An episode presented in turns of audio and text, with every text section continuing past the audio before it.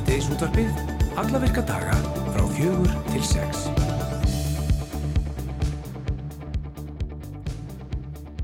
Já, komið þið sæli góða hlustundur, Síðdeis útvarpið hilsar ykkur 5. daginn 13. júli. Já, við erum mættir aftur uh, og hlökkum til að vera með ykkur næstu tvo tímana eða svo við Kristján Freyr og Jóhann Alfreð og það er af nógu að taka í þætti dagsins. heldur betur eins og maður segir sér svo oft. Uh, með með vikunar hefur verið vikulegu liður í síteis útrapinu um hríðen þar fer Alli Fannar Bjarkason samfélagsmiðlastjóri Rúf yfir það sem ber hæst á internetinu hverju sinni. Við ætlum að fá Alla í heimsók. Já, og svo eins og greint frá, frá í miðlum, eh, eða á miðlum í morgun þá hefur við gungulegum að góðstöðunum verið lokað en hins vegar hefur ríkt góð stemning á góðstöðunum Jú, tríóði góðs hefur líkt á undanfannin sumur ferðast um landið þvert og endilangt og skemmt fólki með sínum undur fögru tónum Nú góðs er á ferðinni og mun halda sérstakka góðsloka hátíð vestfjörða næstkomandi sunnudagi Bjarnafyrði maður heyri henni Sigriði Tollasíu, söngkóli Og svo er það tennisinn. Hann nýtur vaksandi vinsalda, bæði sem áhugamál, líkamsrætt og í áhorfi. Hann ætlar að kíkja til okkar hérna nýkrýndur Íslandsmeistari utan hús, Rapp Kúmar Bónafissjus. Við ætlum aðeins að ræða tennis áhuga landans. Hvað er þetta patel sem allir er að tala um? Og svo ætlum við að fá að spila, spá í spilin í stæsta reysamóti ársins sem að líkur um helgina og Wimbledon mótunni sjálfu í Lundunum. Akkurat, og við sleppum nú ekkert eldtræringunum á Reykjanes skaga í þætti dagsins þótt að lokað hafi verið upp að góðsvæðinu. Eh, Það var eins og ekki lokað í gær og þá töltu upp að litla hrút hann Guðjón Páll Tómasson sem væri svo sem ekki frásögu farandi nema hann gekk berfættur upp að gósi. Jesus. Við heyrum í honum á eftir. Sýtist útarpið alltaf á tánum. Jú, og þá fáum við sumargest þáttarins. Það er hún Viktoria Blöndal, leikskáld og leikstjóri. Hún var að gefa út hlaðvarpserju í Rúf spilaranum sem nefnist Heimavistin og fjallar um tíma hennar á heimavistin í framhaldsskólanum á laugum undir og um aldamótin. Við ætlum aðeins að forundast um þetta og heyra aðeins að því hvað er framundan hjá henni í sumar og, og haust. En við byrjum á dýrafjörðardögum. Það er hátíð sem að hefst nú á morgun og stendur yfir helgina. Það verður fjölmart í bóði, sirkus, siglingar, út í skemmtun, það sem að landstækt tónlistafólk stígu meðal hans og stokk og uh, svo hverjast hátíðinu þetta, þarna eru líka hlaupa hátíð vestferða í gangi í grendinni. Uh, en skemmtarnastjóri dýrafjörðardagana, uh, hann er hérna á línunni hjá okkur. Þetta er hann Jón Jósef Snæbjörnsson, eða Jónsi, söngvari og verkefnastjóri. Eh, hvað segir okkur? Það falla öll vötn til dýrafjörðar vantarlega þessa helgina, eða hvað? Þetta er rándýrkynning, strákar. Ég var að skrifa þetta niður. Þetta er svo geggjað. Sælum Já, já. þetta. Jú, það er rétt. Ströymurinn líkur til dýrafjörðar í þingirina mm. þessa helgina. Algjörlega enda um að ræða hérna, gamla og rótgróna bæjarháttíð sem heitir dýrafjörðardagar sem er slegin saman við hlaupaháttíðina fyrir vestan sem er svo útbóðslega skemmtileg af því hún er ekki bara hlaupaháttíð heldur líka hjólaháttíð og, og sundháttíð og ég veit ekki hvað og hvað en jú, hér eru við til þess að ræða um gildi þessar ágættu hérna, eh, bæjarskemmtunar og það er búið að nýta, nýta daginn vel meðal annars er búið að múta viðurstofinni Já, ég sá Eh, það, til ég sá það, það- já, ég sá það á Facebook síðu hátíðarinnar að það hefur náð ná, ná samningar við Viðurstofu Íslands. Algjörlega, við setjumst niður á raukstólunum og könnum það. Það þurfti að kaupa marga kleinurringa til þess að komast fram fyrir röð og fá, hérna, fá góða veðrið af því að, að, að því að veðrið er nú bara svona svolítið típist yfir all landi, það var eins að kólna yfir helgina.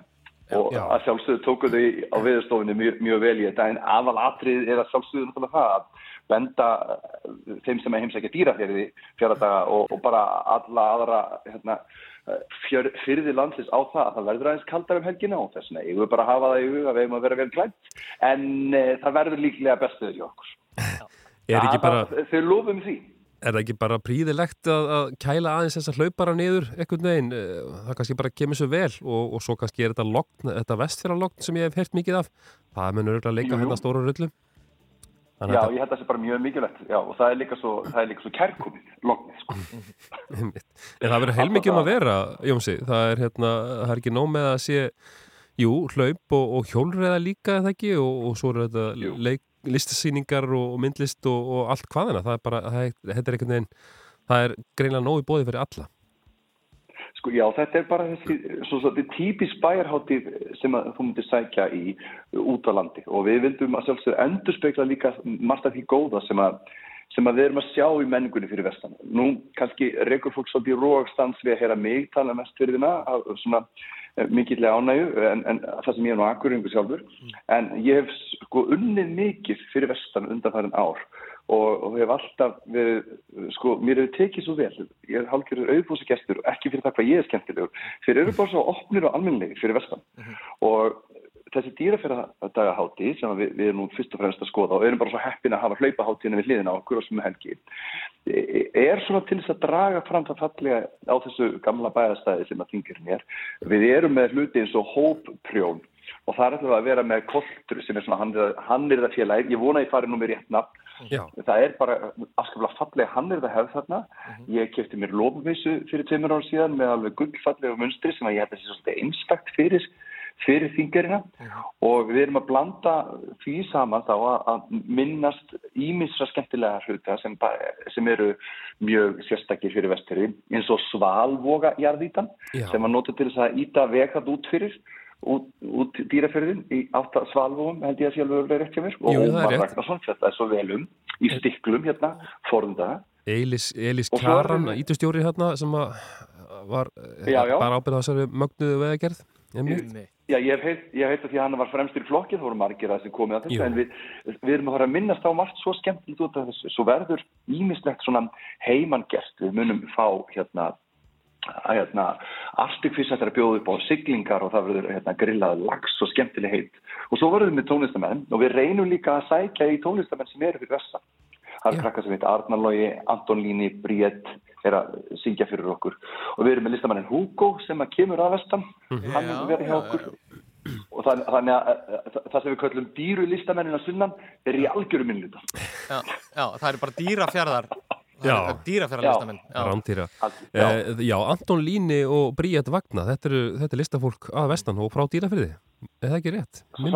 Jú, og það var svolítið gaman að vera spjallað við þau og ég spurði til þeim þegar við vorum bókaði eh, hérna á ég lega hótel? Og það bara nei við búum að það sko. Við, við þurfum ekki gísningu ah, en svo er gaman bókun. líka að já, ah, en við erum, síðan, við erum að leggja svolítið mikið í innviðin þarna inni. Við erum að þetta kaupa þjónstu helst bara frá fólki fyrir vestan við erum að styrkja hjálpasveitinu mjög vel á staðnum og við ætlum síðan að halda spítuball á lögadegur mm -hmm. sem að verður að halda í gamla félagsheimilinu eh, á þingari sem er alveg stólið um eitthvað heitir en við berum ekki að falla eitthvað nátt og nú fara allir hérna, dýrfyrringar alveg brjálæðir að skella sér á Facebooku skamma mig en við, það er komið að því að skipta um golf þar og við ætlum að halda ball, þetta verður eini viðbörður sem kostar eitthvað inná mm. og það fer allur ágóðin að ballinu í að kaupa nýtt golf. Í félagsæmil? Af því að við erum að tjálta, já. Wow. við ætlum bara að, tjálta til, til nokkura ára, við erum með markmið að vera með dýrafæðardagana nokkur ári röð. Og við erum svona svolítið að, eigða peningurum okkar í innviðina. Mm. og fáum styrki hjá afskaplega hérna, almennum fyrirtækjum. Þetta í kring til að gera þess að glæsilegast og best þannig að það er alveg rosalega mikið hjarta sem fylgir þessari ótrúlega fallegu hátt og að sjálfsögðu, ég hvet fólk til að koma vestur og vera með okkur. Það mun svo sannlega hérna, finna margt óænt og skemmtilegt. Og þetta er, það er einn viðbyrjus sem kostar hérna, allt annað er frítt. Allir tónleikarnir úti. Og nú ef það er vondt veður þá erum við bara með plan B fyrir það, það er ekki þessu. En eins og ég segi, við erum búin að múta hérna viðstofinu þannig að þetta er ekki kannlega, við erum bara komið Þetta hljómar aðeinslega og það er náttúrulega ótrúlega gaman að koma á Þingari það er náttúrulega ótrúlega fallegur staður uh, Já, já Sandafellið og, og bara fjöldinni í kring sko, nú, það verður nú ekki fallega Já, ef það verður gott veður þá fer ég upp á Sandafellið og spila kassagítar Já, það er plan En það gleður okkur, jó, að heyra af þessari uppbyggingu félagsemilisins á þingeri. Það er nú með falleiri félagsemilinum. Þau eru nú mörg glæsileg víða á, út á landi. Alveg æð. Og, og það er hörmulegt að heyra að því að, þau séu kannski sum hverja grotna niður. En, en hérna, það er gott að það séu uppbyggingu og ég ætla að minna Jónsið á að, að dreifa smá kaffi hérna, yfir, kaffigorg yfir hérna, gólfið. Svo Já. að segja þetta dansa betur. Já, gammalt triks og við getum tvista til að gleima Við látum þetta vera loka orðin uh, það verður tvista til að gleima á þingari um helgina. Jónsi, gaman að heyra frá þau við kannski fáum að heyri þér aftur eitthvað um helgina og, og taka púlsinn á því hvernig, hvernig allt gengur uh, en bara já, bestu hverður Við sendum ykkur frétt að pakka Ekki spurning. Takk fyrir mig. Bestu hverður Bye Og já, þetta var að Jónsi að vestan og uh, þaðan ætlum við nú að fara í nýtt lag. Þetta var bara að koma frá henni GTRN. Þetta er svona sumasmellurinn hennar í sumar, ef svo má segja. Lægið er Parísar hjól.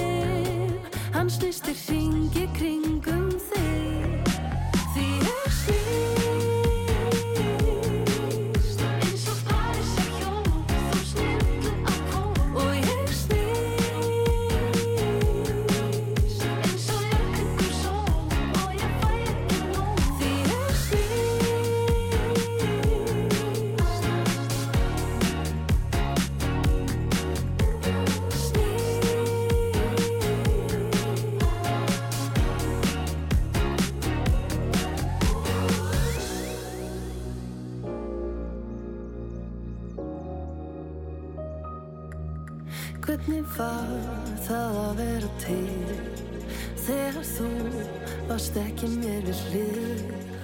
Því heimurinn Hann snýstir ringi kringum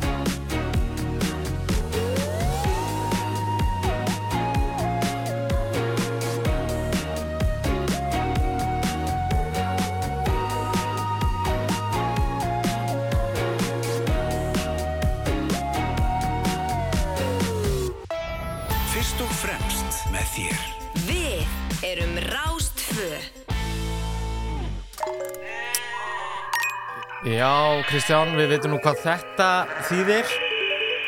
Þetta er með mig. Það er komið að með með vikunar Það hérna í útvarpinu og okkar maður Alli Fannar Bjarkarsson mættur hérna á vettvang. sælir, sælir, Takk fyrir að koma. gaman að sjá ykkur ha, Ný andlit Já, nýjandlit, ferskir á varamannabæknum. Já, nákvæmlega, nákvæmlega Já, Atli. Nei, alls ekki, ég, er bara, ég held að þetta verði bara alveg fullkomið og Já, já. Að mér langaði nefnilega að taka svolítið skemmtilegt í vikunni. Það er vegna þess að eins og við tölum um í síðustu viku að þá er þá er alveg gúrkutíð líka annar staðar eins og í júli, það er, verður alveg svolítið svona, deyfði við líka yfir internetinu, þannig svona í svona, í þessu, í þessu svona sameinlega internetu sem allir að gera það sama sko.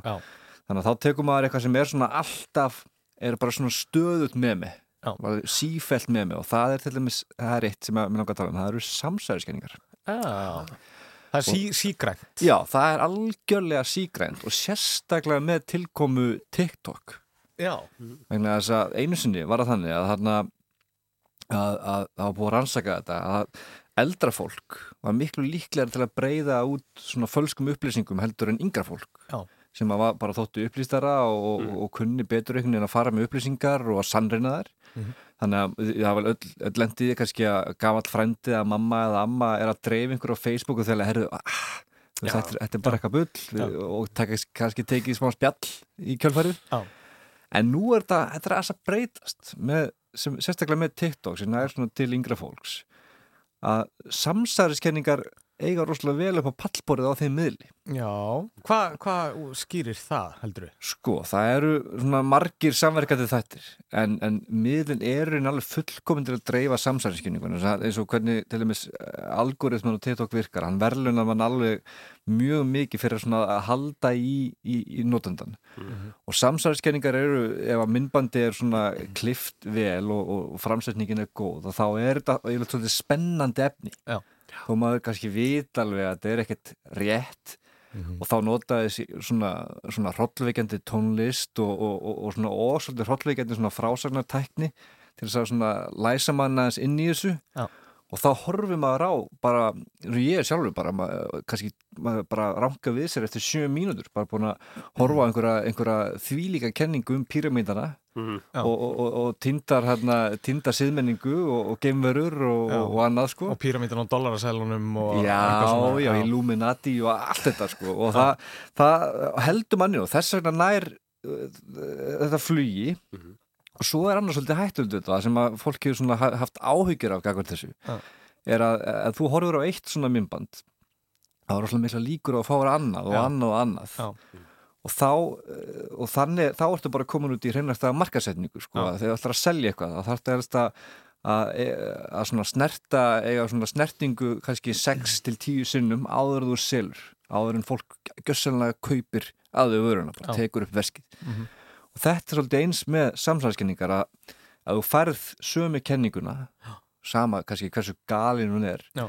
þeir eru sagt og fara að heyra hana oft og mörgusunum þá ferða að trúinni Mhm. Margir búin að segja hana og þú far kannski og þetta er líka verið rannsakað sko og, og einmitt svona professorar og, og, og, og svona fólki verið áhyggjur að þessu að, að svona óharnaðar einstaklingar og unga fólki okkar kannski fær, fær sömu kenninguna margóft Já. í andlitið. Og svo allt í hennu stimplast hún bara inn. Já, og þá fer, og fer líka trúa því að aðri trúa þessu. Já. Þú, þú, þú trúir þessu alveg, já, ymmit og þú kannski heldur, þú sér þetta svo oft að þú heldur þetta sé bara bara í almennri umræðu. Ég er nefnilega reykið mig á þetta allir að hérna, ég á unglinga á heimilinu sko. Já, og það er náttúrulega allt öðru sér hérna, neysla á upplýsingum bara hjá Einmitt. þeim og talandi um TikTok og þessa miðla. Einmitt. Og oftar en ekki koma inn í stofu og segja það er voða mikið verið að segja hérna, að þetta sé svona, eitthvað neina bara nei, nei, nei, nei.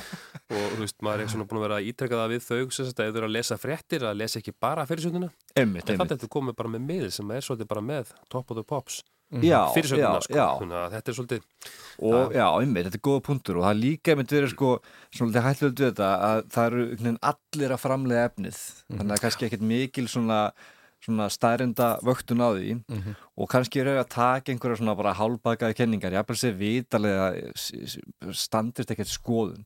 En ég eru bara að búa til áhorf og, la- og, og likes og, og, og komment og umræðu og, og, þarna áhorf, já, bara að það sé einhvern, það, það er það sem einhvern veginn ofar öllu. Já, Þannig að þetta er ekkit engin, engin svona, þannig sé einhver svona sannleiksleit endilega hjá, hjá fólkinu sem er að gera þetta, heldur bara, bara vaki fyrir þeim að, að ná sem lengst með þetta.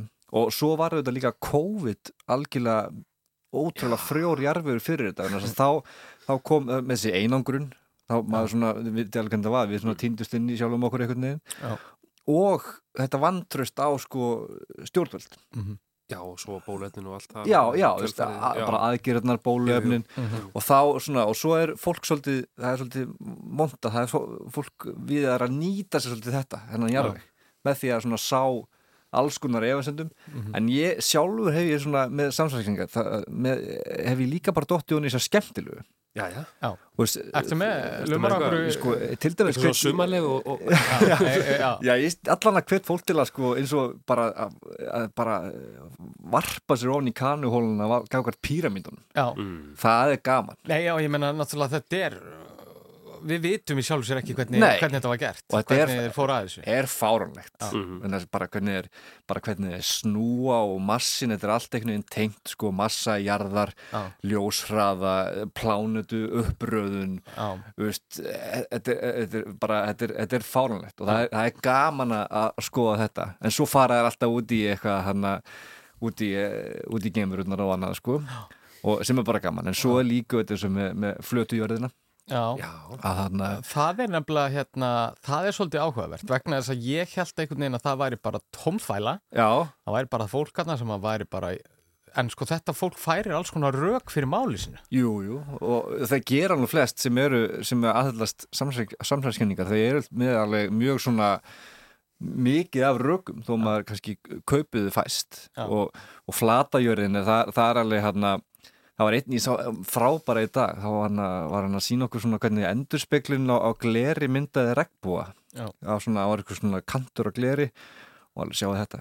Þannig er þessi litli regnbúi hér. Og gekk hann um íbúðuna og síndi fólki svona nokkar regnbúa en af hverju eru regnbúarnir hérna, sem eru yfir jörðinni bóknir mm. það er vegna að við erum undir glerhjúp.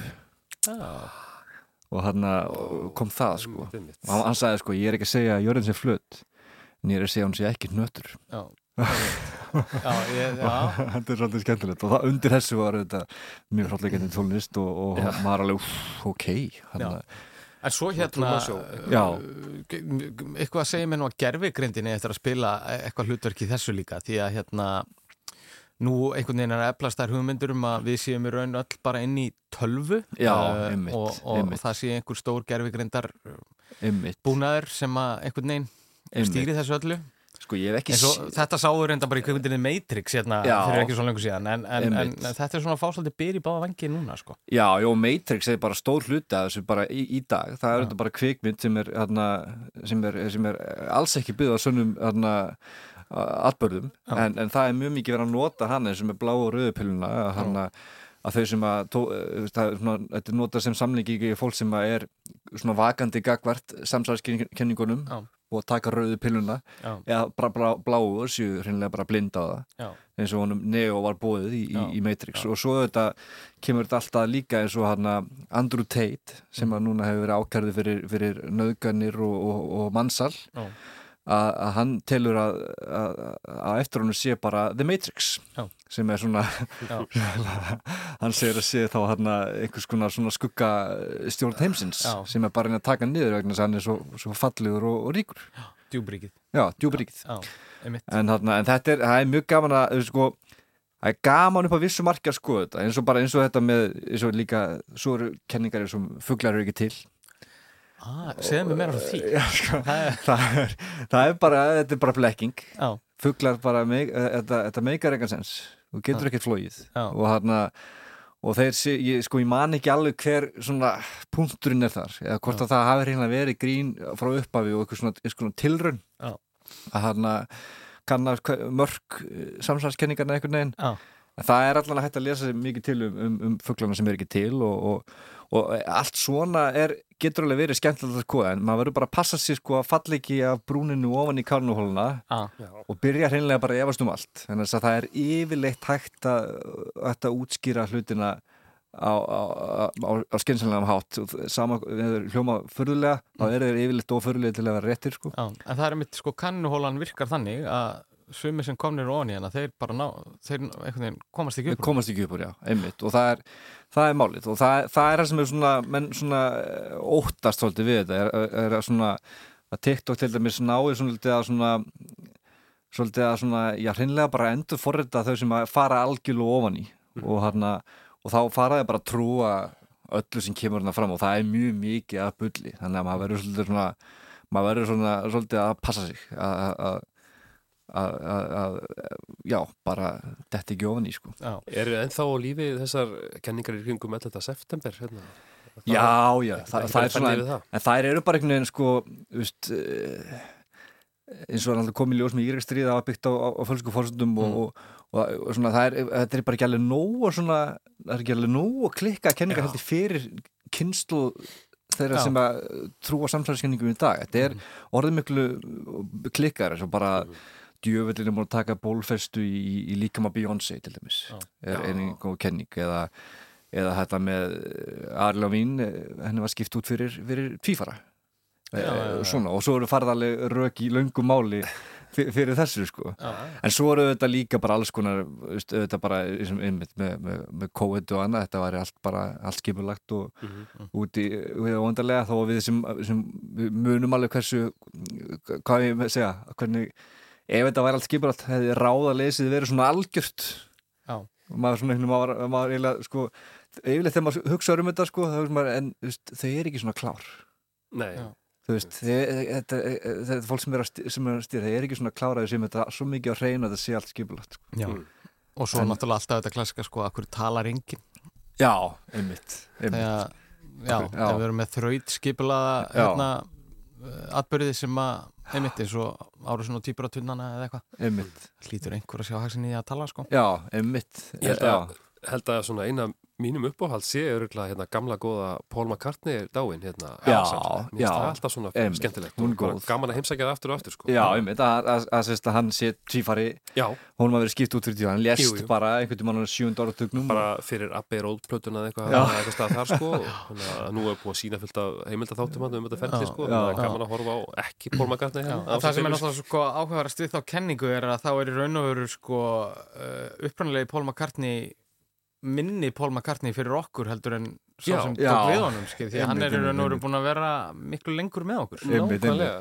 Og, svo, já, og tvífarin sé bara að selja upp hérna hallirnar og gjössanlega að- að slá í gegn. Miklu betri pól en svo gamla Já, í raun og veru kemur, já. Það er að segja ánum hann dó. Já, einmitt. Þetta er inn í síðustu blöðnar sko. Já, En þá einmitt, við viljum alltaf í, í með með vikunar vera svona hvetja fólk til að, svona, sem að, til að, til að stíga varlega til jarðar í þessu sko. Og þannig að einmitt, núna, núna er ég búin að segja fólki að á TikTok sé mikið af samsvæmskenningum og þá, þá allan að skulum við svona uh, fara, fara varlega. Já, að sjálfur hef ég svona staði með því að svona að svona, uh, eins og maður sé farin að færa snær kannuhólinu en svo svona, já, stoppum nú tökum skreið tilbaka og hérna reynum aðeins að hérna, ná áttum já rinse, rinse and repeat. Já, áður við höldum áfram. Svo ég sletti. Uh, ég held að þetta séu fín lokavarð, uh, ágættis áminningum að var okkur á algríminu.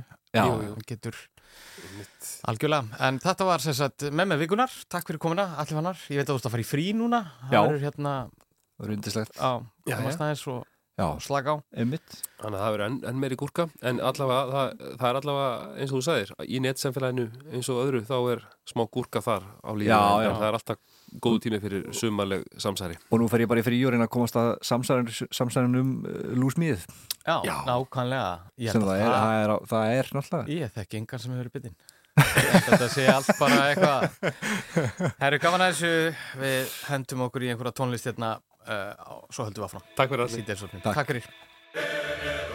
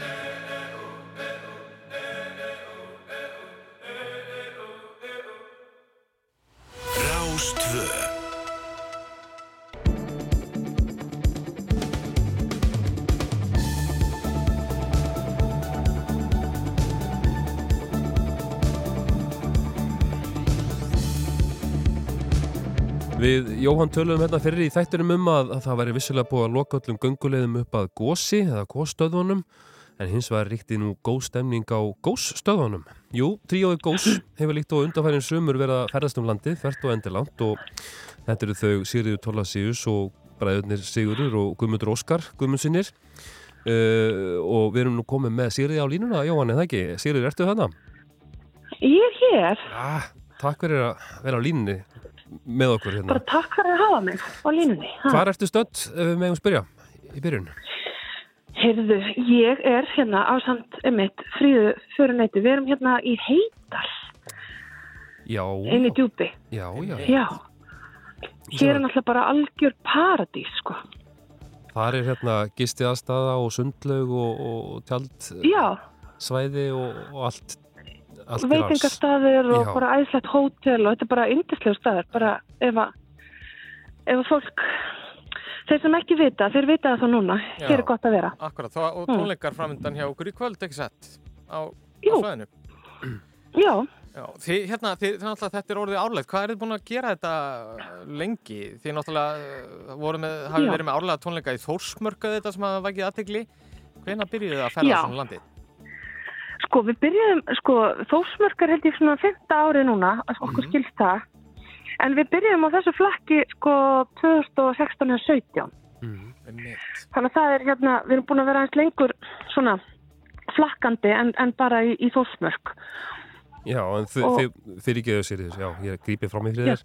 En Þið voru alltaf, voru kannski svolítið eh, bara þrjú á ferðinni en það er kannski einhvað, einhvað hérna fjölgað í hópnum en það ekki. Þannig að það eru, Já, jú.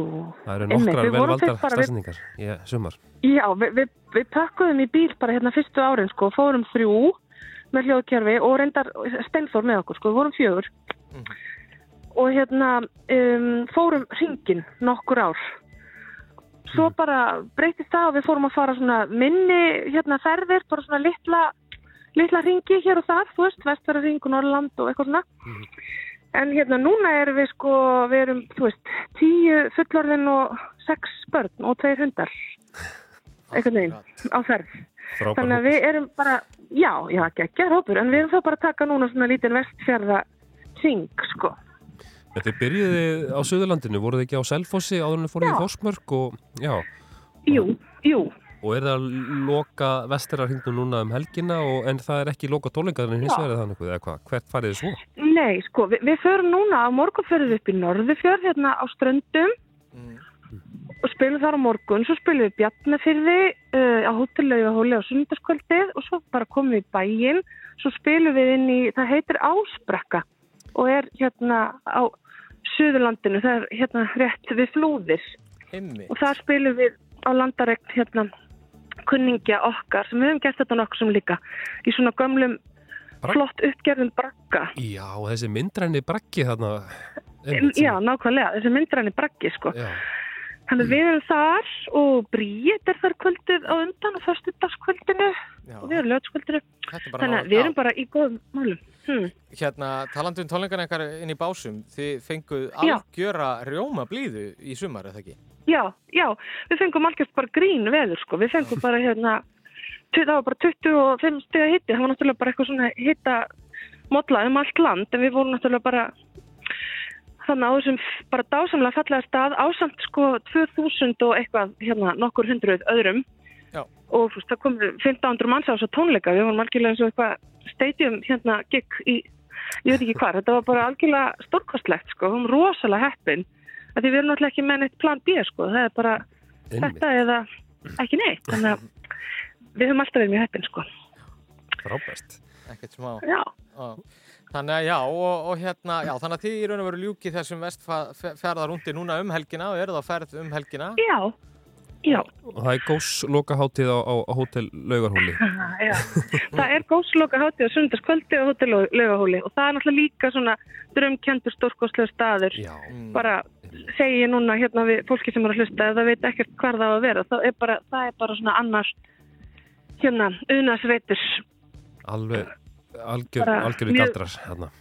já, já, Og sundlegin hérna, akkurat, já, hérna við já klúku, þetta er glæsilegu staðir. Þetta er vel valdið staðir. Daldið, já, Já. en það ekki, finnst þið það ekki þú þekkir þetta nú Jú, jú, ég Þetta nú, svæði eitthvað þessi? já, já, það er þetta vestera pot hérna sem er ótæðilegt kannski að verða, en hérna emmitt, en, en ásbrekku hefur ekki komið að, en, en hérna, en þið hafið verið duglega að ferðast síðustu sumur. Þetta er Já, við erum duglega sko og við hefum líka bara svona líka verið svolítið bara duglega að finna okkur bara staði sem að eru bara svona þú veist, staði sem okkur langar að heimsækja og Já. viljum gerðnan einhvern veginn um, svona sína fólki, þú veist, bara komið hingað því þetta er eðislega staður, ekki bara komið á tónleika heldur einhvern veginn búa til upplifin í kringum það, þannig að við veljum okkur svolítið þannig staði. Já. Þetta er frábært og, hérna, og vantalega Já. margir sem að svara kallinu. Uh, glerharðir gósarar sem að fylgja ykkur Já, þarna vestur. glerharði gósarar, já, já, já. Það er bara fullt af fólki komið hérna í heital og, þú veist, farið í sund og eitthvað í lappitúr og hérna, við bara sjáum fram á gott kvöld hér. Frábært. Hvernig, er, hvernig er veðrið akkurat núna, þó kannski skiptir kannski engum máli, eða hvað? Það skiptir engum máli, en veðri er sko mjög mild hér. Það Já. er einhvern veginn svona skjól hér. Já, Þannig að það er bara svona mildur gustur og hérna skíjað en bara rosalega svona notalegt og gott. já. Ég man eftir að Hmm. hafa farið á, á marga dansleiki og tónleika uh, rétt hjá Heital uh, í djúpmannabúð. Þið muni kannski ekki eftir þeim stað eða hvað, Jóhann og Sigriður. Nei, nei, Í miður. ég veit ekki hvað það er. Hvað er það? eiginlega bara alveg í minni fjárðarinn sko mjög fyrir Já. og hérna Já. það var svona áningastaður ánum að fór sko upp á, á, hérna, upp á heiði sem er ekki lengur en þetta hérna einmitt en heitalur hefur algjörlega tekið við þessu hérna bara frábær Já. staður og ég mæli Þetta er bara sannlega svona með algjör, algjör svona, já, algjör lindó, algjör perla hér. Já. Það var gaman að heyri þið Sigriður og bara við erum alltaf að takk ringja. bestu kveðir á, á gósið og gangi ykkur vel það sem eftir Takk líður kærlega fyrir. Mm. Sjömmulegis. Já, sendu bestu gæður. Takk, Ok. takk fyrir spjallið. Takk. Takk, takk Bye. Já, þetta var nú Sigurður Tólasíus. Nú ætti ég náttúrulega að vera með, klár með eitthvað gott lag frá Ghost. Þau gáðu nút lag hérna í uppæðu sumars. Já. Uh, kannski setjum það þetta nálega hérna á eftir. En næst ætlum við hann Ásgeir uh, Trausta, uh, millir Saps og Vöku. Flott er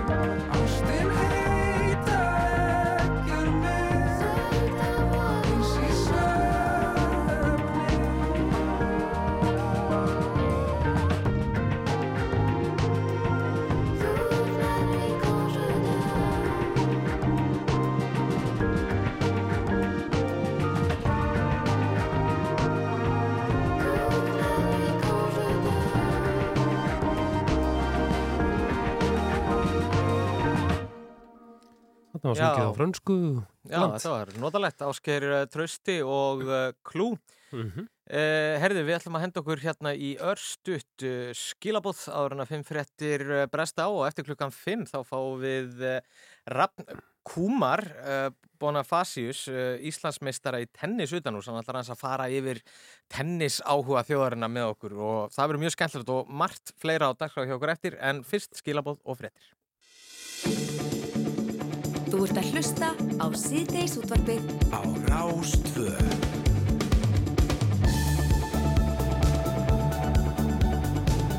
Já, síðis útvarpið. Heldur áfram hérna, við erum búin að sitja með ykkur síðan klukkan fjögur, ég, Jóhann Alfreð. Mm og Kristján Freyr hér, hérna megin. og við ætlum að halda upptöknum hætti til klukkan 6 og það er uh, nóframindan hjá okkur á næsta klukkutímanum uh, við ætlum að, að forða staðis um tennis uh, á Íslandi Einmitt. sem að virðist vera í, í töluverðri sókn Bara í blóma. Já, í blóma, hann Já. kemur hérna Rapp Kúmar, eh, Íslandsmeistari utanhús nýkryndur og við ætlum Einmitt. aðeins að fara yfir hérna bæði tennisinn og padel og ræða þessum Wimbledon mótið sem er auðvitað stærsta risamót ársinn sem að eh, líkur núna um helgina Já, nú, já, það- líkur um helgina og, Einmitt. og hann ætlar svona aðeins að spá í spili með okkur varandi það Mhm. nú uh, Ætlum aðeins að heyra í, í einum hérna gósferðalangi Já. sem að fóra það gósinu núna fyrr Já, í vikunni. það er auðvitað búið að vera stríðuströmmu fólks þar til að, að góðsvæðinu Já. var lokað Einmitt. en það sem að kannski já, svona, hann skar sig kannski út að því leiti að hann fór berfættur, hann Guðjón Páll Tómasson við ætlum að bjalla á hans um hálfsaksleiti og spyrja hvernig hún datti það í hug og svo kemur hérna gestur, góðu gestur Viktor á Blöndal en e, við vorum að tala við hana Sýrið Tólasís rétt á hann Jóhann e, eigum, við, eigum við kannski eitthvað gós ertu með eitthvað gós hérna í, í kistunni eða hvað? Já, voruð þau ekki að gefa Voru- þetta lag sem er svo hjá ægi, getur það passað? Já, heldur betur Já. ég held að við ættum að heyra það áður en lengra er haldið Gerum það Takk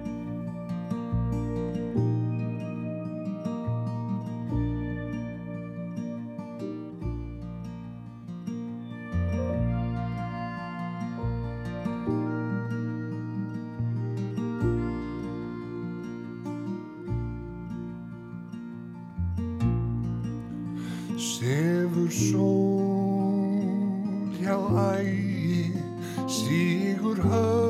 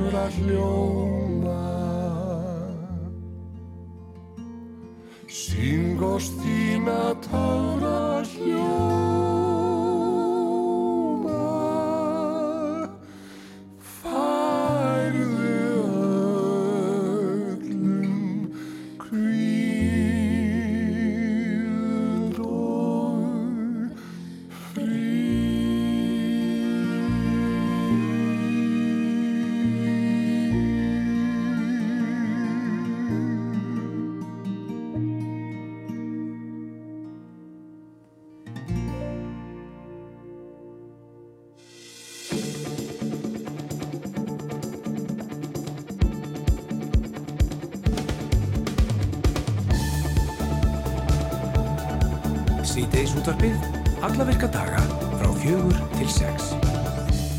Já, við höldum áfram hérna í uh, síðdeis útvarpinu á Rás 2 uh, og uh, við erum komið góðan gest hérna inn í stúdíó til okkar. Þetta er já, Íslands meistarinn í uh, tennis utanhús, uh, Raffn Kúmar Bonafasius. Velkomin. Já, takk fyrir það. Uh, gaman að fá þig. Við hérna, já, við ætlum bara svona aðeins að tala um uh, tennisin. Uh, bæði náttúrulega kannski kemur það til út af því að nú er Já, kannski þessi hápunktur uh, tennistímabilsins í gangi sem er auðvitað Wimbledon mótið í London og svo kannski líka bara aðeins að forvitnast um tennisin hérna heima Já, það var auðvitað mót núna, eins og þú segir, fyrir tveimu vikum utan hús Einmitt. og þú lagðir þarna gamla mannin, pappaðinn Já, já. í úrstættuleik uh, því hefði nú marga hildina háð uh, inn á tennisvellinum.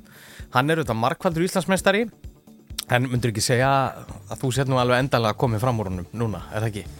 Jú, ég myndi nú segja það, hún enda svona 28 ára gamall og svona kannski ekki alveg, ég myndi ekki tella sem efnilegur tennisleikmaður svona lengur, ég bara, þetta, hún er verið að spila öll þessi ár og hérna, er að spila margóft við pappa en þetta væri raunni held ég fyrsta sinn sem við keppum í Íslandsmóti utanús í úrslutum, þannig að það var ekki svona svolítið skemmtilegt. Já, einmitt. Og byrju, hvernig fór þetta eftir? Það var 2-0 eða? Uh, já, 2-0 í settum, ég Já. held 6-2, 6-1. Já. Þannig að þetta var bara það ágætisleikur. Já, þokkalega örugt hvena, gastu sagt svona með góðri samvinsku að þú verður orðinn betri en pabbi? Þetta er svolítið svona, ég held að eftir ég vann hann fyrst þá hef ég ekki tapað síðan. Þannig að þetta var svona en í átján, ætli það ekki átján, nítján, Já. 20 þetta var svona þeim árum þá svona byrjaði hægt og rúlega að taka fram úr hún Já, en hann hefur samt alveg mynd þig á það að svona þá hefur hann verið um færtugt að ekki? Jú, eitthvað svolítið, rétt rúmlega. Þannig að þetta Akkurat. svona, svolítið skemmtilegt Já, ég fæði veginn á tilfinninguna að uh, tennis sé svona í smá sókna á, á Íslandi, kannski líka bara sem svona aftreying eða áhugamál. Uh, hvernig, hvernig myndir þú það?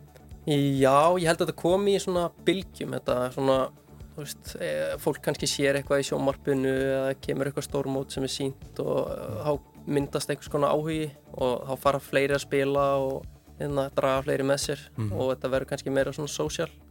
Þannig að, jú, en það er, það eru mjög margir að spila þessa dagana. Mhm. Við erum með ágætis aðstöðu í Kópavogi og, Mhm. og svo útivellin í Viking, þannig að meðan veðrið er gott og svona þá, þá eru fleiri að spila. Já, og svo er úti völlu líka við lögadalinn eða ekki? Jú, jú, það eru tveir vellið þar. Já, já það er hægt að komast í tennis. Getur þú gengið að því sem vísað og getur farið í tennis hvernig sem þið dettur í huga á, á Í, já, sumrin þá er þetta svona nokkuð aðgengilegt en á veturna þá erum við auðvitað bara með eina innanhúsaðstöðu hann í Kópóinum og Mhm. hérna það er það er ekkert hlaupað að fá völl. Nei, akkurat. Um, Já, en þetta var skemmtilegt Íslandsmót sem var haldið og, og hérna og þar kannski vakti líka aðtegli uh, hinn hinn 12 ára gamla Garima uh, sem að farið á kostum í, í kvennafloknum það minnir svolítið á hérna þegar Guðmundur Steffensen kom upp í bortennisinum á sinni tíma. Hann var farin að vinna Íslandsmót fullorina bara 11-12 ára. Uh, mikið efni, væntalega algjörlega, hún er hérna, það er ekki oft sem að þú sérði eitthvað allavega hérna heima sem að er bæði svona hefur hæfileikana og metnaðinn Mhm. í að hérna, æfa svona mikið og, og virkilega leggja þetta fyrir sig. Þannig að það er að vera mjög gaman að fylgjast með henni ég, hérna, ég er búin að vera að þjálfa hana svolítið Mhm. síðastliðin ár og, og hérna, þetta er ég meina henni er allir vegi færir ef hún heldur áfram og, og hérna heldur þessari stefnu áfram þá Mhm. er ekkert sem að ætti að geta stoppað hana Já, spennandi. Hérna aðeins varandi tennis áhugan, svo hefur náttúrulega verið að koma upp ný íþrótt, uh, Einmitt. sem er svona nokkus konar innanhús tennis á hvað hálfum velli. Um, nei, þetta eru sérvellir sko. Þetta Já. er inn í svona, þetta er eitthvað svona glerbúr Mhm. og svo er net yfir miðuna Mhm. og þetta er svona aðeins minni völlur, Mhm. öðru í spaðar Já. og það er alltaf spilað sko tveir á móti tveimur. Já. Þetta er svona tvílega leikir Mhm. og þetta er, ég held þetta sé svona aðeins auðveldar íþrótt fyrir byrjendur. Já. Það getur verið erfitt að byrja í tennis Já. Þetta er svona stór völlur og stærri spaðar, þetta er ekkert, það tekur svona tíma að ná þessu. Mhm. En hérna, þetta er búið að vera nokkuð vinsælt síðan þetta opnaði í tennisvöllinni, Mhm. þessi vellir og, og hérna, já, þetta er bara mjög skemmtilega aðreng. Já, algjörlega og, hérna, og, og það er farið að keppa líka í þessu er ekki og hérna bara haldin mót, ellendis, stór mót í, í paddel og Já, já, þetta er alveg risastórt sko eins og út á Spáni ég held, Mm. sé, ég held að þetta sé svo íþrótt sem er að vaksa hvað hraðast í Evrópu Já. bara eins og staðinu núna Mhm. Akkurat uh, Já, ég nefndi það áðan að, að hérna að nú er þessi Wimbledon mótið í, í fullum gangi og það eru það eru svona smá breytingar í farvatninu því að nú eru þessir stóru leikmenn sem að hafa einhvern veginn dominerað tennisin uh, síðusta áratvíin 10-15 árin eins og Djokovic og Nadal og Federer Federer er náttúrulega hættur Nadal er ekki með uh, en Djokovic, hann, hann, hann stendur ennþá. Já, algjörlega, þetta er einlega þetta er hálf lígilegt að fylgjast með honum að því að fólk kannski býður eftir því að hann hérna svona dræði svolítið aftur úr og, og þú veist, hvenar mun hann hætta eða hvenar mun hann ekki geta að spila svona vel? En það virðist ekki vera í bráð allavega. Hann er, ég meina hann fer svona nokkuð öðulega í gegnum þessi mót og, og auðvitað komið 23 reysatitla og, og er ennþá greinlega mjög hungraður í að vinna, vinna þessi mót og hann er ekkert að leip- hleypa þessum ungu strákum eitthvað framjá sér sko. Nei, og sko að því að tennis er mjög krefjandi íþrótt og allavega hér áður fyrr þá voru svona, menn voru svona svolítið konir yfir brekkuna, þeir voru konir yfir þrítugt en það er eiginlega ótrúlegt hvað þessi kallar hafa ennst í þessu eins og Federer sem var alltaf bara að keppa vann síðasta rísa titilin hvað 37 eða 8 ára eða eitthvað. Já, ég held að veri eitthvað hann vann ástrálska hann Já. 2000 og Æ, ég þór ekki að fara með það en heimitt Jú, ég, auðvitað eru menna endast lengur íþróttum, ég held að sé líka bara bæði út af því að e, þeir eru fara kannski betur með líkamann. Þetta er orðið svolítið rosalega mikið það sem að menn eru duglegir að, að sinna þeirri hlið og, og þar alveg endast er lengur menna Djokovic hann er í bara fáranlega góðu formi. Mhm. það er einhvern veginn ótrúlegt að fylgjast með honum. Og hann er að keppa til dæmis mitt viss að stráka sem eru kannski í kringum 25 og, Mhm. og ég meina hann lítur miklu betur út af vellinu með þeir. Mhm. þannig að ég get ekki sé fyrir mér að hann sé að fara að hætta neitt brálega hann munur örugglega bara að halda fram að vinna þessi stórmót. Já, það er svona þarf kannski að hafa aðeins já, já, samt, maður veit ekki að nú er náttúrulega, þeir eru hættir hérna Federer eða Nadal er náttúrulega ekki hættur en, en hann, hann er meittur uh, en það eru allir kannski sem fylgjast með tennis líka búin að vera að býða eftir í svolítinn tíma að það kom upp nýtt nafn. Uh, að það kom upp þessi, þessi næsti rísaleikmaður uh, Mhm. sér þú hann eitthvað í spilunum? Já, ég minna leikmaður nummer eitt í heiminum í dag er hérna Carlos Alcaraz frá Spáni. Mhm. og hann er bara 19 ára. Já, þannig að við sjáum það að það er auðvitað framtíðin er svolítið að, að stígu upp Mhm. við erum með leikmenn eins og hann og, og hann er að fara að keppa eða Djokovic keppið við Jannik Sinner frá Ítalíu í undanrúslutum á Wimbledon á morgun sem er líka nokkuð ungur Mhm. og Holger Rune frá Danmörku Já. líka 19 ára þeir kepptu Já, ekki já, hann já. og Alcaraz þannig að eru nokkri leikmenn sem eru eru augljóslega að fara að vera mjög góðir en Já. hérna hvort það er sé að fara að slá allir þessi met það verður bara komið ljós uh, ef þú ættir að setja þú myndir veðja á Alcaraz sem svona framtíðar stjarnan Já, geta komið ég held að það sé svona easy bet sko, ég er ekki að fara hérna Já. ég er engin spámaður þegar ég fer að segja að hann sé að fara að vera eitthvað rosalega góður það Nei. er svona, Nei, nei, hann er, já, eins og þú segir, hann er náttúrulega nummer eitt á, á heimslistanum. já, hann er nú þegar komin ánga og búin að vinna í drisatitil þannig að Mhm. þetta er svona já, já, hann er, hann er komin á þannan stað það er bara spurning hversu lengi hann er að halda sér og hvar fókusin er Já, undanúslinni kvennaflokki vantalega í dag og, og, og svo kalla meginn á morgun og það getur þá farið svo Alcaraz og Djokovic mæntist í úrstum. Nýju og gamli tími. Já, það hérna það gæti farið svo, ég meina en ég held að þetta gæti orðið mjög góði leikir undan úrslitin það, hérna, en það væri gaman að sjá það að spila í úrslitin Það sem er skemmtilegt við að horfa á tennisin sko, er að, er að hérna, þú getur nánast verið að vinna í gardinum sko, líka, samlega. Þú veist, þetta geta verið þryggja, fjóra, fimm tíma leikir sko.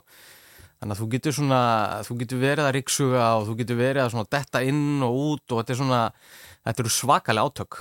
Menn, uh, þú veist, og engi smá leiki sko, sérstaklega á þessum risamótum það sem að, að spila jafnvel fimm sett. Já, einmitt, þetta er svolítið það er rosalega erfitt að skipulegja sig kringum tennisleiki og ætla bæðið vera að horfa að keppa fólk á svona, svona stundum erfitt með að skilja þetta Já. Eins og hún mætir á mót, það er yfirleitt ekki bara hérna, þú átt leik klukkan 12 og hann er búinn klukkan 2 þetta er bara, leikir byrja klukkan kannski 11, 11 á mótni og, og svo er það bara næsti leikur og næsti leikur, þú átt ekki að keppa endilega klukkan eitt ákveði Mhm. og svo getur leikurinn verið 45 mínútur eða hann getur verið 3,5 tími. Mhm.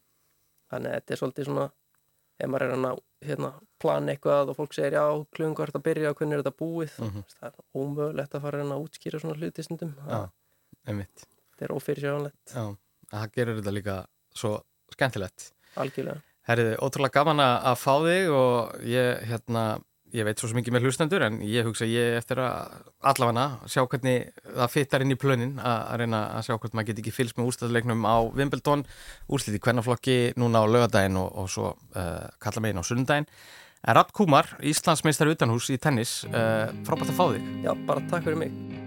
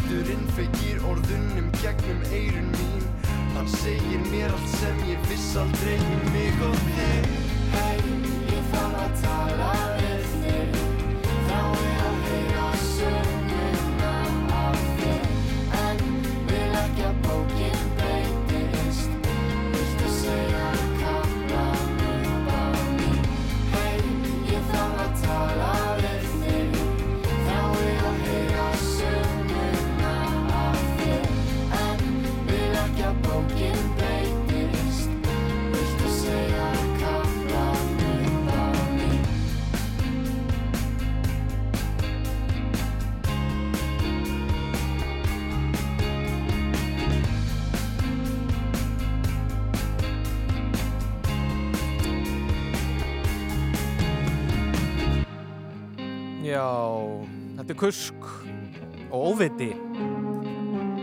Lægið er Elsku vinn.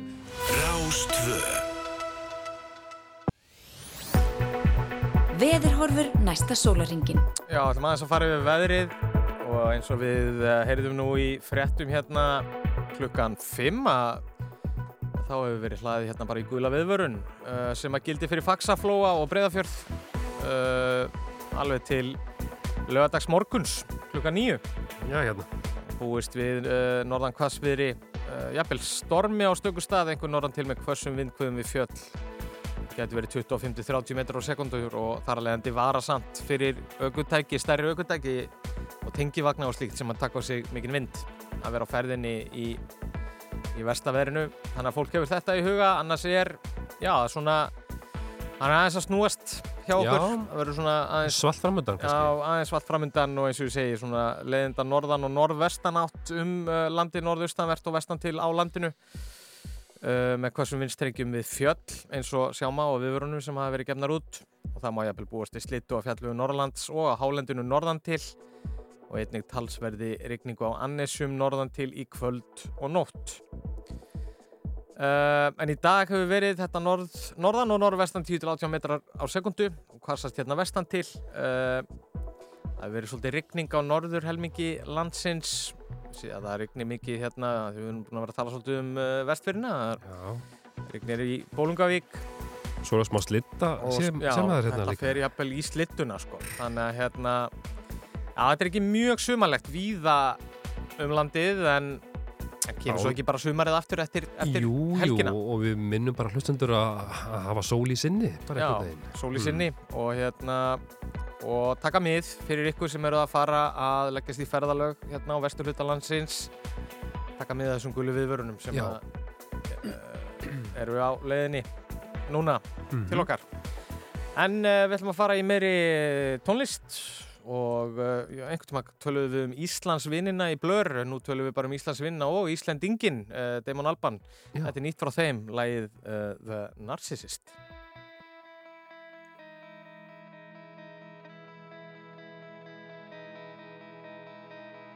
Looked in the mirror, so many people standing there. I walked towards them into the floodlights.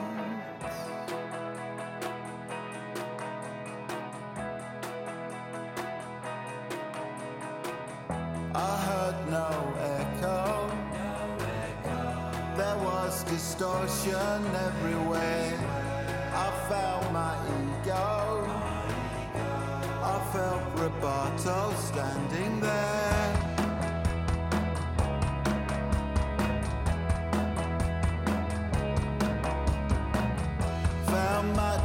Transcendence. It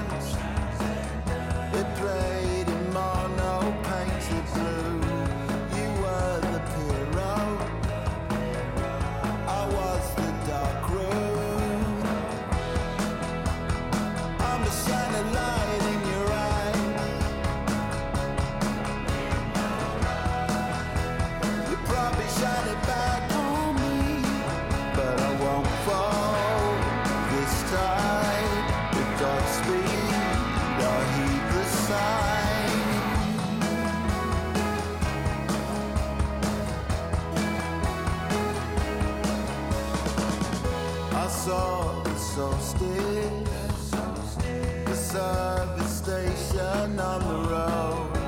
I took the acid under the white horses. My heart it quicker. I could not tear myself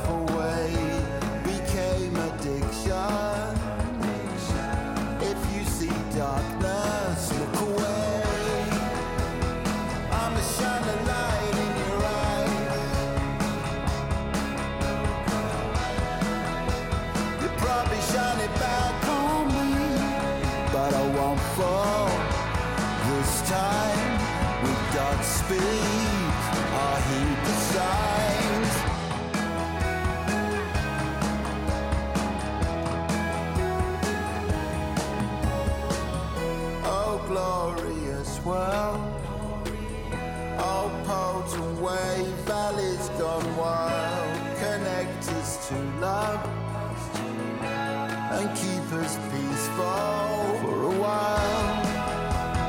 I'm a shining light in your eye.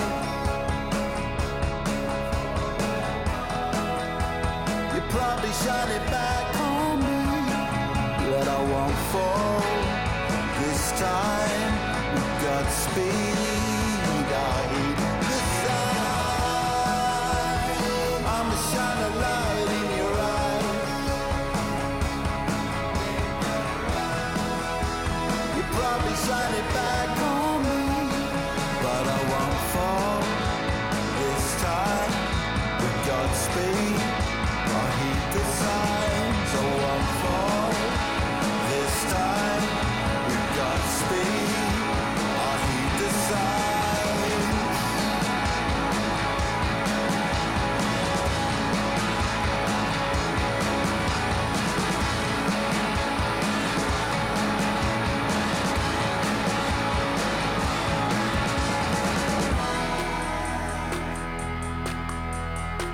Já, hljómsveitin Blur, nýlegt frá þeim The Narcissist. Við höldum áfram hérna í sítiðis útarpinu, eigum tæpan hálftíma eftir með ykkur, árana sex festir, Mhm. sex fréttir brest á. Já, Eh, og við ætlum nú ekkert að sleppa þessum eldhræringum á Reykjaneskaga þrátt fyrir að það væri ekki hægt að lappa upp eins og hefur áður komið fram. Já. Það er ekki hægt að lappa upp á gósi og við vitum fólk að, að virða það og fara ekki að stað. Já, og gula viðvaranir á leiðinni hérna á vesturhluta landsins og Mhm. þannig að það verður allavega að það verður búið að loka fram á lögatast morgun, svo verður tekinn staðan eftir það, en það er búið að vera stríðuströmmur af fólki uh, upp að litla hrút Já. að sjálfsögðu fjölmargir sem að hafa farið í raun og veru fram að þessum lokunum núna og fólk fer með alls konar hætti Já, við vorum nú að spurja hérna fyrir í vikunni hann Arnar Björnsson fréttamann hvort að fólk var ekki alveg örgulega vel búið og hérna hann var ekki alveg viðbúin þessu tísku spjalli en við erum með mann á línunni Jóhann eða ekki sem að Jú, svo er það þeir sem að fara berfættir og, og við heyrðum að því, þá kom nú lítill greinarstúrin á mbl.is þar sem að blaðmaður hafði nátt tali af uh, honum Guðjóni Páli Tómasinni sem að, já, fór berfættur upp að gósi. Getur það ekki passað, Guðjón? Heyrur í ykkur, Guðjón? Já, sæl, ég var með að mjút. Já. Jú, það passar ég þar. Já. Ég fór allavega setni leðina, setni hluta leðinar upp að góðsunu berfættur. Það er ekkert Það annað. var allt mjúkt og flott. Já, já, ég er nefnilega, við höfðum smá áhyggjur að því að þú hefði bara verið þarna í einhverju stórgríti berfættur. Það var ekki svo, eða? Stórgríti er mjög næst þegar maður er berfættur. Er það? Þá getur maður skokkað af því. Já, já, algjörlega. Já, já, já, já. Hraunið er pínu erfitt, eða hraunið er svo beitt. Já, Þá þarf maður að fara varlega. Allt í góð. Þannig að þú tókst leiðina tilbaka uh, á tásunum. Ég tók svona setni hluta leðinars að góðsunu og tilbaka líka. Já. En þegar það kom svona mikil möl og uh, mikið af steinum, þá bara fór ég eftir í skona. Þeir eru gaglegur tól, gaglegur tól, þannig að... En hvers vegna Lítið á það kemur, mikið. fyrir ekki Guðjón, hvers vegna kemur svona hugmynd upp? Það eru margir sem að fekku þá hugmynd að reyma á sér skóna og fara að stað en, en þetta það ekki hug. Þú reymar það að vera, ég reynir nú að vera berfættur þegar ég get. Já. Þetta er eðli- eðlilega leiðin til að vera. Já. Þannig að þetta það er, ættir alveg frekar að spyrja, frekar að spyrja af hverju að vera í skóm. já, þetta er endar, þetta er góð hugsun. Ég, hérna, þannig að þetta er eitthvað sem að þú stundar og, og, og þér líður betur á tannum en, en uh, skóaður. Ég held ég geti bara sagt á nefa að það allir verður svo liðs. Það fættist allir berfættir. Það er enginn sem kom í skóm. Já, og hvernig... Við liðum svona. Já, einmitt. Og hve- hvernig ertu svona daginn eftir? Uh, eftir svona, svona gögutúr, uh, tala nú ekki um berfættur. Ég er bara ljómandi góður en með smá drullu í skekkinu. Akkurat. En hvernig er með... Það er kannski eina. Já, fyrir ekki þetta, ég grípa fram í hérna. Ég hérna, datt bara í huga að spyrja út í sko, eh, ég, tala, ég sá talað um hérna húðrútínu á vefmiðli og, og fólk var að mæla með einhvers konar kremi á, á hérna fæturna. Uh, ert þú búin að huga því? Ert þú búin að vera að krema þig upp svona eftir þessa ferð þína? Hælæt einhvern sprungið eða hvað? Ég er nú sko, ég er nuttari þannig að ég er ofta með alls konar krem og okkar á mér. Já. En það er svo sem ekki, það er svo sem ekki málið. það að komast í snertingu við mosan og moldina, það er að besta sem þú getur gert við fætuna. Já, Þú fær fjölbreyttari flóru á fætuna. Já. Uh, Hvað getur verið betra? Já, ég bara, já, í raun og veru, þannig að þetta var bara græðandi, ef eitthvað er. Það er sjálfsögðu. Já. Nokkra rispur hér og það, en það er það. Það er svo gengur. Hvað hérna, er þetta, var þetta þín fyrsta ferð upp að gósunum á, á Reykjaneskaganum eða varstu búin að fara áður? Þetta var mín fyrsta ferð á þessum gósum. Ég fór á Eyjafjallajökull 2010, Já. þá fóru við svona í þyrlu, Já, en uh, síðan þá hef ég ekkert farið að skoða inn gós. já, akkurat. Og Þetta var, mjög, þetta var bara mjög flott. Já, hvað varstu lengi? Svona, cirka bát? Við vorum cirka, hvað ætlum við að hafa verið lengi? Fjóra tíma, eitthvað slags. Já. Ég veit ekki hvað vorum lengi að þannig á sæðinu. Já, akkurat. Það voru bara eitthvað dúlokur. Já. Já, það hljómar eins og þú hefur ekki blásuðu njöst, þannig að þetta, hérna, þetta reynir á, reynir á suma, en, en, uh, en svona hefur verið að, því, að svona þínu upplifun að það hefur bara verið frekar, frekar þægileg ganga. Þetta er nú að sjálfsögðu, mann man er verðluðina þegar maður kemur á sæðið. Því að það er svo mikið að mosa, allt er svo mjúkt og gott. Já. Fullt af skíli frá vindinum því að hann kemur bara úr einni átt. Já. Þannig að þú getur fundið er eitthvað fallega klætt og góðan mosa, tekið lítið blund áður en þú fer tilbaka. Já. Já.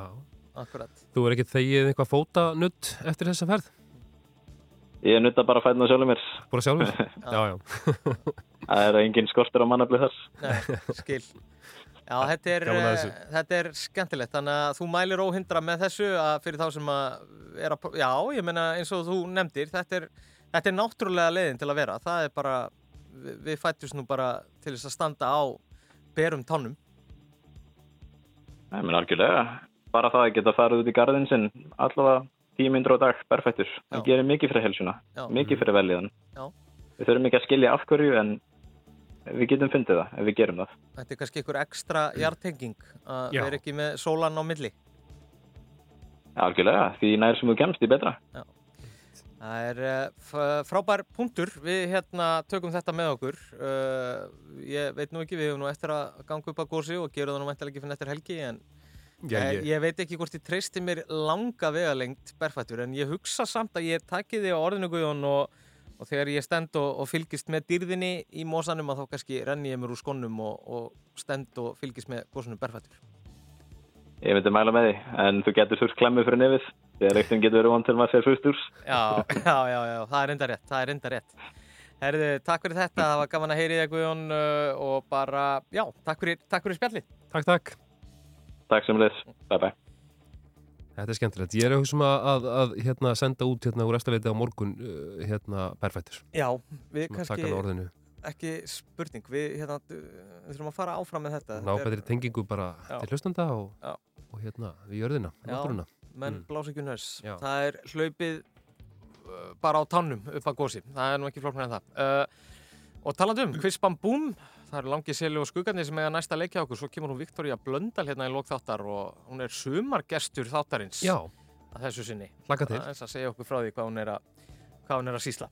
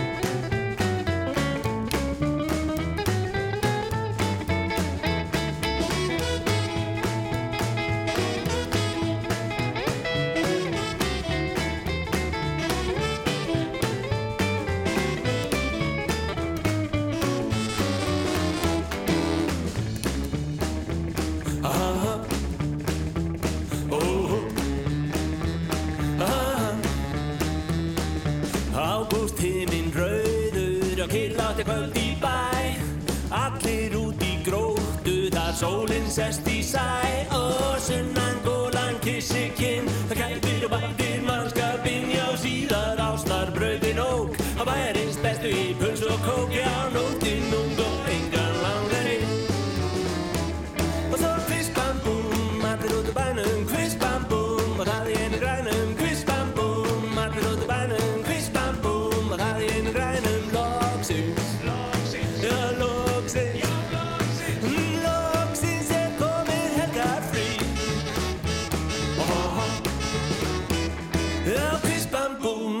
út úr bænum kvist bam búm Og það í einu grænum kvist bam búm Allir út úr bænum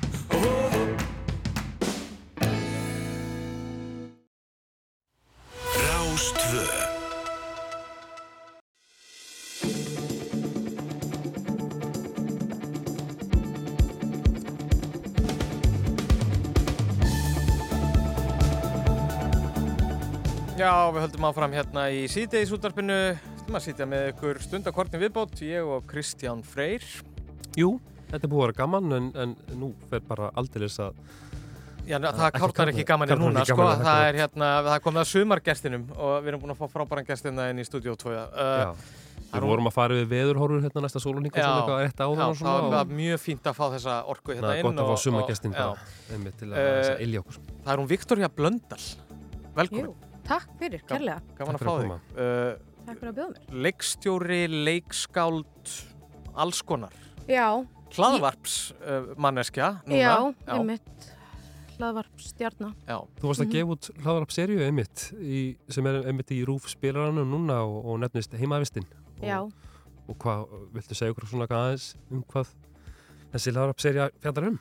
Já, hún er sem sagt uh, um uh, æfi mína uh, á heimavist. Uh, ég var þar, ég var á laugum í Þingæðasíslunni uh, 2001-2003 Mhm. og uh, já, það var ímislegt brasað og ímislegt gert og hérna ég einhvern veginn fekk þessa hugmynd bara um að, um að eitthvað, þetta væri kannski skemmtilegt og, og hérna en, en fekk líka mikið af viðbröðum frá mínu svona hérna eh, nánasta fólki, hérna mínum bestu vinum og eitthvað bara uh, Viktoria, þú getur ekki sagt allt sem þú vilt segja, bara við erum uh, þryggja barna feður og, og Já. við erum í góðum vinnum, skilur, þú getur ekki sagt Mm. en ég held að þetta hafi svona farið ágætlega sko Já. ja. með hjálp snilla önnumarsi hérna svona töfra kjallingar yfir allt og öllu þá var þetta einhvern veginn mjög næs uh, atmó í gegnum þetta allt og, og náttúrulega tónlistin frá þessum tíma náttúrulega bara Já. æði Aldamóta tónlistin. Já. Já. Ég, sko, ég heyrði það þess að það, það hefði verið þannig að dóttiðin sér að veltaði fyrir sér að fara á heimavist Já. og þú hafi sagt, ég mæla ekki með því, ég ætla að reyna að stoppa það af, en ég ætla samt eiginlega að fá svara þér í hlaðvarpsserju. Já, já, það var það var, það kom veginn spilaðist frekar næsinn að segja henni uh, þessar sögur, af því að hún er svona fyrsta batnið í, í okkar svona vinahóp Mhm. og hefur fyllt þessum hóp uh, hérna frá upphafi Já. uh, engin áttu börn þegar hún kom til hérna, kom, Mhm. kom til sögunar þannig að hún hefur heyrt svona mikið af sögum, brotum Já. þannig að það var svolítið svona púslu spilið þarna sem við Mhm. hvernig púsluðum En, en þú varst þarna fyrir norðan í hvað framhalskólanum á, á lögum? Já. Og, hérna, og þarna, já ég menna ég sé nú bara hérna því ég meita fyrir fram mig uh, fyrsti þáttur vakna í skólan klukkan sjö uh, annar þáttur ég er fullur móði Viktor ég er upp fyrstu helgin á laugum eða öllu heldur á fjórðum sjúkar á svona akureyri það er alveg ljóst að það, það er margt sem gengur á þarna Já, þetta var, þetta var fimm dögum eftir ég kvatti fóreldra mína og Já. lofaði öllu fögru. Já. Þá tók við gott uh, sögumbústaða fyllir í sem endaði upp á, upp á sjúkrási. Uh, ég bara drakk mig í, uh, til döða Já. er með insulináða sykusíki þannig að krakkarnir er eitthvað svona nýbúin að kynast mér eitthvað, wow, Já. nei, og hvað, einn, nei, tveir, já, hér er, og ég eitthvað svona vaknaði eitthvað á batnadild fjórðun sjúkrásins á Akureyri og bara var ekki með neitt síma eða, og ég var eitthvað, fyrir, ásækið, fyrir ekki, má ég ringja, eða þú veist. Akkurat. og, og mamma mætt. Það er hérna, ég, ég var sko í framhaldsskóla á sama tíma, þannig að hérna, maður heyrði oft svona um að heimavistirna, sko, það væri, þar væri sko Stemming. max stöðið, sko, en hérna, ég svona gerum ráð fyrir þetta hafa nú örgulega rófast eitthvað. Skulum Eh, vona það ef að miða þessar lýsingar en, en það var heimavist í, í mínu mentaskóla uh, vestur á fjörðum en hérna ég var nú ekki þar en ég upplifði nú alltaf þannig að krakkarnir sem voru þar væri svona meiri partur af einhverju samfélagi einhvern veginn og Já, þér það, var það ekki þínu upplifun? Jú, þetta er líka bara eitthvað við einhvern veginn búum undir sama þaki í, í hérna e, nokkur ár og við bara Já. deilum, þú veist, við erum bara við erum bara hér, við erum Mhm. hérna Saman hundrað eða eitthvað já, og bara ok, let's go þetta var bara svona basically bara allir bara eitthvað settu hendurnar ofan á hver aðra og bara ok, let's do it og bara hérna Samvelni í sjúklega mikil og við bara, hérna, þegar maður hittir þetta fólk í dag, þú veist, 20 árum setna eða 25 árum setna og bara, og maður er eitthvað, tekur nokkra seg að bara tengja aftur, við erum eitthvað hér bara, já, blessaði, gafin að sé það, já, ekki sé það, svo bara, búm, bara, og við erum komin bara Já. back at it, Já, já. eða þú veist, Já. eða samt ekki alveg. Þetta er er skemmtilegt og hérna, eins og við nefndum, þetta, hún kom í heilu lægi, þessi seria fyrir hvað, eitthvað um viku síðan uh, og er aðgengileg inn í spilaranum Já. og, uh, og svo ertu þetta sísla margt fleira, uh, þú hérna, já, þú varst að leikstýra verki, uh, Mhm. óbærilegu léttliki knassbyrnunar Já. og hérna, ég fór nú að sá það verk og ótrúlega skemmtilegt uh, og uh, já, það verk fær framhalslífið ekki á fjölum borgarleikusins næstu veitur. Jú, Já. við uh, förum úr Tjarnabíó yfir í, í borgarleikusið, frumsýnum þar í, í, í februar Mhm. og hérna, já, það er bara, við síndum tíu síningar í Tjarnabíó fyrir uh, fullum sal og uh, bara, hérna, hefðum geta örgulega sínt 20 í viðbót. Fólk var að koma aftur og aftur, Já. fólk var að taka með sér aðra, þú veist, bara mætir fyrst eitthvað með eitt vinahóp og, og mætir svo með annan. Já. Uh, já, þetta bara fjall einhvern veginn alveg uh, einhvern veginn sj- sjúklega vel, Mhm. allt það var sjúklega góð stemning fyrir þessu, Mhm. einhvern veginn á, þessum, ég held að það var eitthvað sem ræðaðist fallega saman, einhverja stjörnur Já. sem letu þetta verða að þessu sem þetta var, sko Einmitt. Og það hefði verið mjög auðvelt að gera þetta uh, ekki gott Já. Já.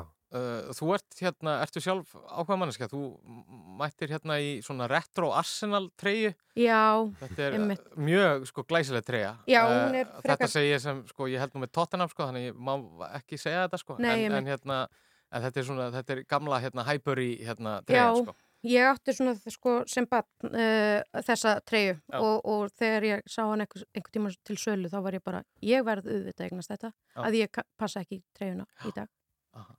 gömlu Já. Já. þannig að Já, eða þú veist, ég er ekkert eitthvað, þú veist, þú ert ekkert að, ég er ekkert að fara að segja eitthvað neitt um fótbolta þannig, eða þú veist, eða jú, bara eitthvað frá hjartanu, en ég man ekki hvað neitt heitir eða eitthvað svoleiðis. Nei, Nei. Ég veit um nokkra heita Já. menn sem eru bara sætir og ég veit hvað þeir heita. Já, Já, skil. Það ekki læra náðum í Mílu fjallað. Já, kálva. En hérna, þetta uh, nafnið, titillin á, á verkinu, það náttúrulega bara er vísun þá í, í Milan Kundera sem að, sem að lest einmitt á, í þessum, þessum dögum, síðustu Já. dögum. Já, ymmið. Einmitt. Óbæralegu léttleiki. Tilverunar var ein, helst, hans helsta bók. Já, Mm, þetta en, en er, það er engin tenging á milli Kundera og knaspinu þarna. jú, er það samt ekki? Já, það er spurning. Ég, já, ég spyr ekki- bara tilbaka, ég, jú, það er tenging. Það er frábært. Það er Pottþétt. Engi spillið einnig hérna á ferðinni. Nei. Einmitt. En hvernig, hvernig hérna svona, uh, hvernig verður sumarið annars, restin af þessu? Þú ert að undirbúa þá vantilega framhanslíf síningarinnar. Já, það er, uh, það er frekar margt í gangi en, en svona mjög klassist að ég má ekki segja mikið Ah. en ég er samt búin að gera nokkra hluti í sumar Já. þó að sé ekki, jú það er helmingur búin að sumari, sumarinu. Ég fóð til dæmis um síðustu helgi og lappaði fimmvörháls. Já. Já. Ég basically stóð upp úr sófanum og lappaði Já.